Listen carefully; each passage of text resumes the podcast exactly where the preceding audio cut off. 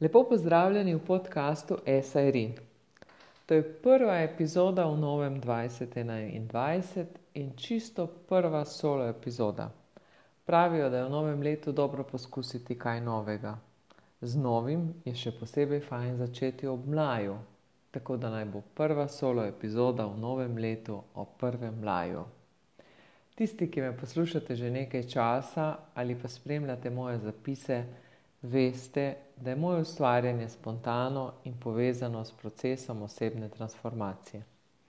Vsi, ki me poslušate prvič, pa dobrodošli. Podcast SRN je namenjen odkrivanju vsega, kar nas uči življenje samo in vsega tistega, česar se običajno ne naučimo v šolah. Po naravi sem elementalistka, Torej, vedno povezujem različne elemente med sabo, iz posameznih delov sestavljam celote in povezujem različna znanja na poti do osebnih spoznanj. Tako vsebina podcasta Esairin izhaja iz moje osebne izkušnje na poti iskanja življenjske resnice. V meni že nekaj dni brbota vsebina za to solo epizodo pa ne, ker ne bi več želela gostiti zanimivih in srčnih oseb, to zagotovo ostaja tudi v tem letu, ampak zato, ker čutim, da je prav, da vam nekaj spoznam za začetek leta povem sama. Ko stopiš na pot samo raziskovanja in se prepletajo spomini, prepričanja, uvidi, se mi zdi najtežje nekomu razložiti vse skupaj. Sploh, če je proces zelo aktiven, kje sploh začeti in kaj sploh najprej povedati, pri čemer se seveda zavedam, da je bilo že vse povedano. V smislu tiste najgloblje resnice ne moremo več ničesar izumiti. Z vami bom zato delila svojo osebno izkušnjo, torej svojo zgodbo v tem telesu, na tem planetu in v tem življenju. Tako, okvir smo torej postavili.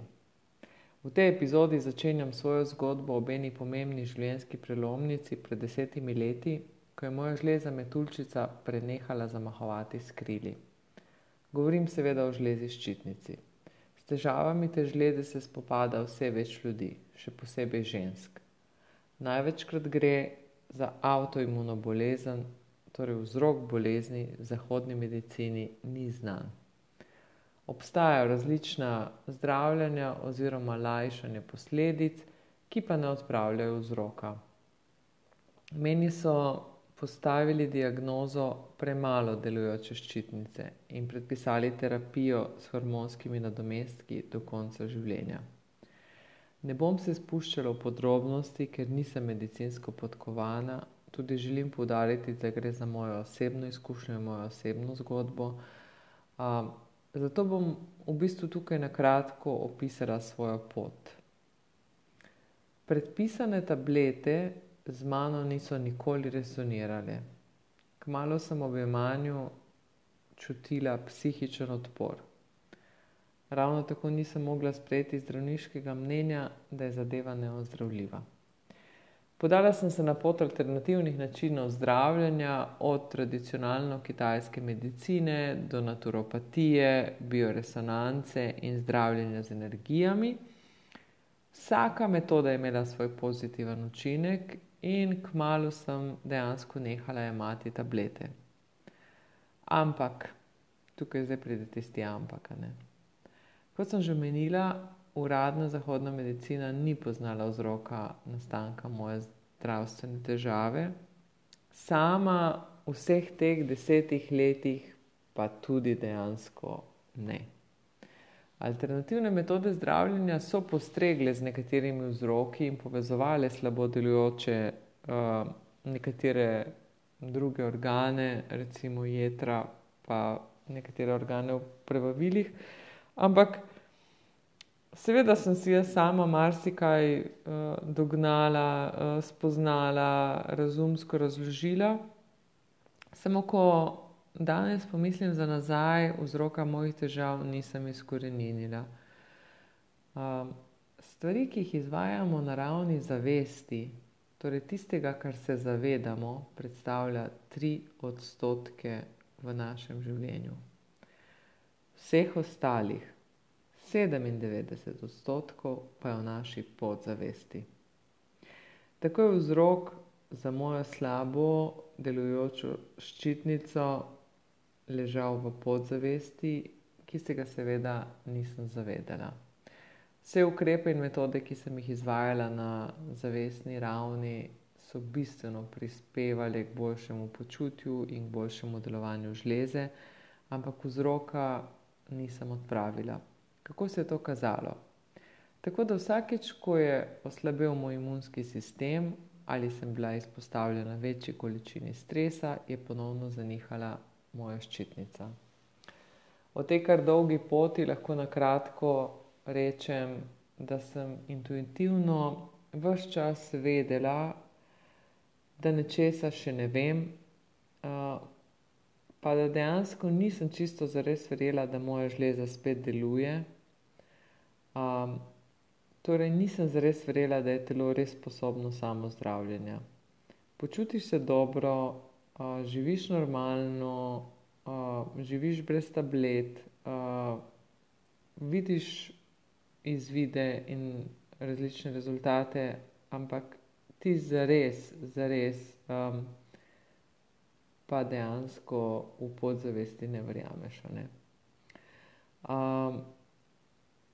Želela sem si verjeti, tudi zagovarjala sem to načelo, ampak čez vse stražarje na poti do bistva se pa nekako nisem mogla ali pa znala prebiti. Šlo je torej za strah, ki ima korenine ali izvor nekje v podzavesti. Torej dokler obstajajo neke blokade, prepričanja, potlačena čustva, bolečine in travme, ki se jih ne zavedamo, ego ves čas proizvaja različne strahove. Ti se kažejo na različne načine, in dokler se ne spustimo do korenin, do naših globin, spoznamo, dokler ne spoznamo naše senčne plati, je vse, kar počnemo, na ravni parih procentov zavesti. Počutili se bomo sicer bolje, a naše težave ne bomo zares odpravili. Zagotovo se pozna, ko zamenjamo življenjski slog, ko zamenjamo prehrano, ko uredimo spanje, ko izvajamo tehnike sproščanja, ko smo veliko v naravi. Vse te zavestne odločitve bistveno vplivajo na naše počutje. In zagotovo bistveno vplivajo na naše misli in bistveno vplivajo na naše, naša čustva in bistveno vplivajo tudi na to, da se bomo počutili bolj radostne, bolj vedre, bolj vesele. Ampak vendarle gre za tri odstotke naše zavesti. Torej, jaz sem popolnoma normalno živela in pred desetimi leti postavljena diagnoza me ni več v ničemer ovirala. Tudi krvni izvidi so bili okej. Ampak ob najmanjšem, v narekovajih, pretresu, stresu, prepihu, je žleza spet malo zanihala. In če me takrat ob situacijah obdaja občutek, torej ko se je spet to nihanje, zanihanje zgodilo, me je takoj preplavil neki tak občutek rahle nemoči ali pa sem se postavila v vlogo žrtve. ne naven, ampak v resnici na noter. V smislu, zakaj spet jaz, zakaj spet meni, zakaj se meni to dogaja, zakaj, zakaj je z mano nekaj narobe. danes vem, da me je ravno vse to pripeljalo, do vseh teh spoznanj in sem v resnici neizmerno hvaležna. to, kar se je zgodilo, se mi ni kar zgodilo, ampak je bil odsev, fizičnega telesa na notranje stanje v meni. S tem, ko se mi je to zgodilo, sem dobila priložnost, da svoje notranje stanje temeljito raziščem in razbremenjena vseh bremen tudi javno o tem spregovorim in morda še nekomu, ki me posluša, pomagam razsvetliti pot. V lanskem letu sem se na svoj način posvetila svoji podzavesti. Brez obsojanja in obžalovanja. Dovolila sem intuiciji, da me vodi, ker smo bili zaprti in izolirani od zunanjega sveta, sem se posvetila notranjemu. zunanjih motilnih dejavnikov ni bilo, jaz sem pa že vrsto let delala na sebi, tako da je bilo leto dvajset dvajset zame idealno. veliko krat rada rečem, da je 2020 za me time of my life, ker dejansko teh spoznanj, pa teh uvidov ne bi zamenjala za nič na svetu. Meni so se začeli eden za drugim v misli vračati spomini iz različnih obdobij mojega življenja. Um, segali so tja v rano otroštvo do ne vem, od kakšnega četrtega leta starosti se jih spomnim. Um, spomini nam vedno dajo priložnost, da z drugačno zavestjo ponovno osvetlimo nekatere občutke in jih sprejmemo, morebitne bolečine pa pozdravimo. Nikakor niso namenjeni obžalovanju. Jaz sem tako nežno sprejemala različne spomine, tudi tiste najbolj boleče. Um, samo opazovala sem jih, osvetljevala z različnih zornih kotov. Uh, vsakič uh, sem si dovolila čutiti, in ja, na začetku se oglasijo obrambni mehanizmi in oglasi se strah pred bolečino, in bi se najraje obrnil in ga pustil tam, kjer se nahaja, uh, stekel stran. Ampak jaz sem tokrat šla vsakič do konca. Um, da nekoliko bolj konkretno povem, kako to zgleda. Naprimer, če podoživimo nek neljub dogodek, v katerem smo se počutili izigrane in zavržene in nismo dobili za naše takratne dojemanje prave razlage, a, nas je dogodek na dogodek v otroštvu a, pripeljal do enega zelo pogostih prepričanj, ki jih nosimo v sebi, da si ne zaslužimo biti ljubljeni, torej da nismo vredni ljubezni. Ko se otrok znajde v nekih svojih emocijah in ne dobi prave razlage uh, za svoje emocije, na ven pa zgleda, da okolica tega ne sprejema, da je to napačno za okolico, da je um, zavržen, izigran, um, um, da je sam v bistvu v teh svojih emocijah, ki niso sprejete, uh, se dejansko veliko krat počuti, da počne nekaj narobe. In tukaj se, uh, tukaj se postavlja pod vprašanje ljubezen.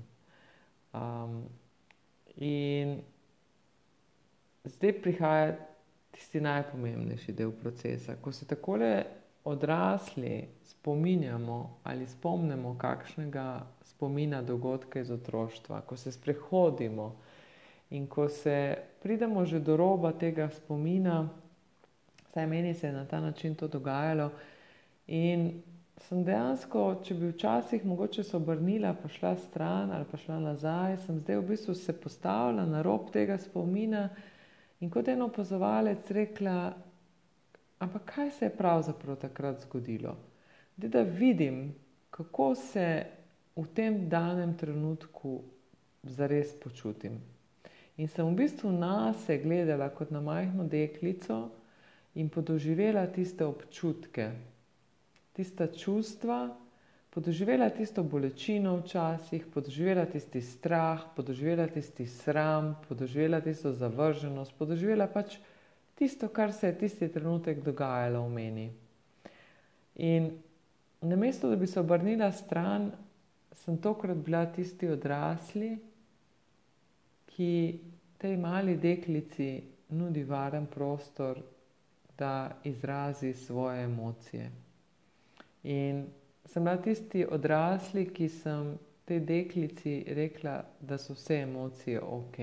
In v bistvu s tem, ko sem jih jaz sprejemala, sem v bistvu na nek način zdravila stvari, ki takrat so se v bistvu samo potlačile in povzročale v bistvu neko bolečino vsa ta leta.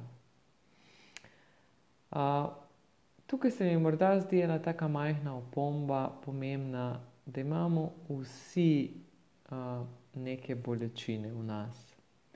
Um, ni nujno, da gre za tiste najhujše uh, travme, ampak gre za neke te manjša nesprejemanja, lahko, lahko za enostavno nerazumevanja, za, za bullying, za ta občutek sramu je blazno pomemben, um, ki ga recimo lahko kot otroci podoživimo. In ko kot odrasli sprejmemo zdaj vsa ta čustva, ki jih kot otrok nismo znali ali pa mogli sprejeti, pomeni, da, kot sem rekla, odrasli svojemu notranjemu otroku nudimo varen prostor za čustva, da jih zazna, sprejme in izrazi. In ravno to je ta najpomembnejši del tega procesa. V bistvu procesa spoznavanja svoje podzavesti in zdravljenja. In s tem, ko spoznavamo svojo podzavest, se teh sedemindevetdeset odstotkov manjša in je ta zavestni del vse večji. zato v bistvu to, kar v sedemindevetdesetih odstotkih, dokler se s tem ne spopademo, predstavlja bolečino in v končni fazi breme, nas drži nazaj, nas drži z eno, utežjo privezano prikovano na tla, postaja potem nekaj, kar smo pozdravili, in nekaj, zaradi česar bomo lahko poleteli. Ščitnica se nahaja na področju vratu, torej na predelu grlene čakre. Za slabo delujočo ščitnico je značilno, da so v nas potlačena čustva, o katerih nismo spregovorili, je značilno, da nismo bili slišani ali pa da se nismo postavili dovolj za sebe. Ali lahko potemtakem sklenem, da je povzročilo bolezen to, da se nisem dovolj odločno postavila zase, in to, da sem to prepoznala in spregovorila danes, predstavlja najmočnejše in najučinkovitejše zdravilo. Najbrž ne samo za mojo ščitnico. In tako sem se pravkar dotaknila zakona dualnosti, dveh koncev iste palice, svetlobe in teme, sonca in sence, jina in janga, tematike, ki jo zelo rada raziskujem in jo v vsakodnevnem življenju tudi poskušam zavestno živeti. A o tej tematiki kdaj drugič. Tako, dragi moji in drage moje, upam, da sem vam nekoliko približala moj proces transformacije, kako prihaja do mojih uvidov in spoznanj, o katerih večkrat tudi pišem, kako pomembno je, da se začnemo spoznavati s temi svojimi sedemindevetdesetimi odstotki podzavesti. Priložnosti je res veliko, praktično so vsak dan, ne gre samo za zdravstvene težave, te so potem že posledica. velik delež nosijo medosebni odnosi, naše dojemanje materialnega sveta, naše dojemanje vsake posamezne situacije. Pa v resnici nam sploh ni treba iti daleč, ko govorimo o posamezni situaciji, lahko pogledamo čez ramo, za nazaj v prejšnje leto pa si odgovorimo, kako se je kdo spopadal, ali pa vsak sam pri sebi pomisli, kako se je spopadal s to v bistvu nepredvidljivo, neverjetno pa, na neki način edinstveno situacijo. Večkrat slišim, da si vsi ne želijo v globine, da enostavno nimajo te potrebe, ali pa da se jim ne zdi pomembno, da se jim ne, ne da kopati nekaj globoko po sebi. Okej, razumem. Ampak a nam je res dovolj, da v tem življenju, v tem telesu, na tem planetu poznamo samo tri odstotke sebe? Hvala, ker ste bili z mano. Vesela bom vsakršnih vprašanj in komentarjev. Spet želim poudariti, da gre za mojo osebno izkušnjo, mojo osebno zgodbo, mojo osebno pot transformacije. hvala prav vsakemu med vami, ki je zaznal ponovno zamahovanje moje žleze metuljčice in ujel njeno frekvenco v tem podcastu. Na radio me vežejo taki res lepi spomini iz srednje šole. Radijski studio s težkimi kovinskimi vrati, ki ne prepušča zvoka, slušalke in mikrofon, pritajena svetloba in rdeča lučka, ki je vsakič naznanila vklop v živo. Vse to je spomin, ki v meni zbudi občutke povezanosti same s seboj. Takrat vse, kar slišiš, je samo lastni glas. Po drugi strani pa je ta glas istočasno lahko slišan daleč naokrog v zunanjem svetu. Kar zanimiva in močna simbolika. Ne? Aplikacija, na kateri snemam uh, ta trenutek podcast, kaže, da prihajate iz 20 držav, od Južne Amerike prek Združenih držav Amerike do Slovenije, v objemu cele Evrope, pa Združenih arabskih emiratov, prek Singapurja do Avstralije in Nove Zelandije. Pomemben mi je prav vsak med vami. Povezana sama s seboj, se zavedam in čutim povezanost nas vseh. In če nas je česa naučilo slavno leto 2020, nas je naučilo prav tega, da smo vsi eno. Prvo solo epizodo zaključujem s kratkim opisom svojega poslanstva, ki sem ga sestavila lansko leto marca, ko je nastala kreacija SRI. Takole se glasi: Biti najboljša verzija sebe živeti v skladu s seboj in se v svojih čustvih počutiti varno, pri tem pa biti drugim za zgled in jim s pomočjo odkrivanja in spreminjanja vseh delov sebe kazati pot do notranjega miru in izpolnitve svojega potencijala. Zadnje dni se je večkrat prehodilo čez moje misli, kot da bi ga bilo potrebno ponovno osvetliti in preveriti, če še vedno drži. Še vedno drži in je danes še bolj opolnomočeno, saj čustva male deklice vsak dan bolj varuje odrasla oseba. Budimo sprememba, ki si jo želimo videti v svetu. Hvala.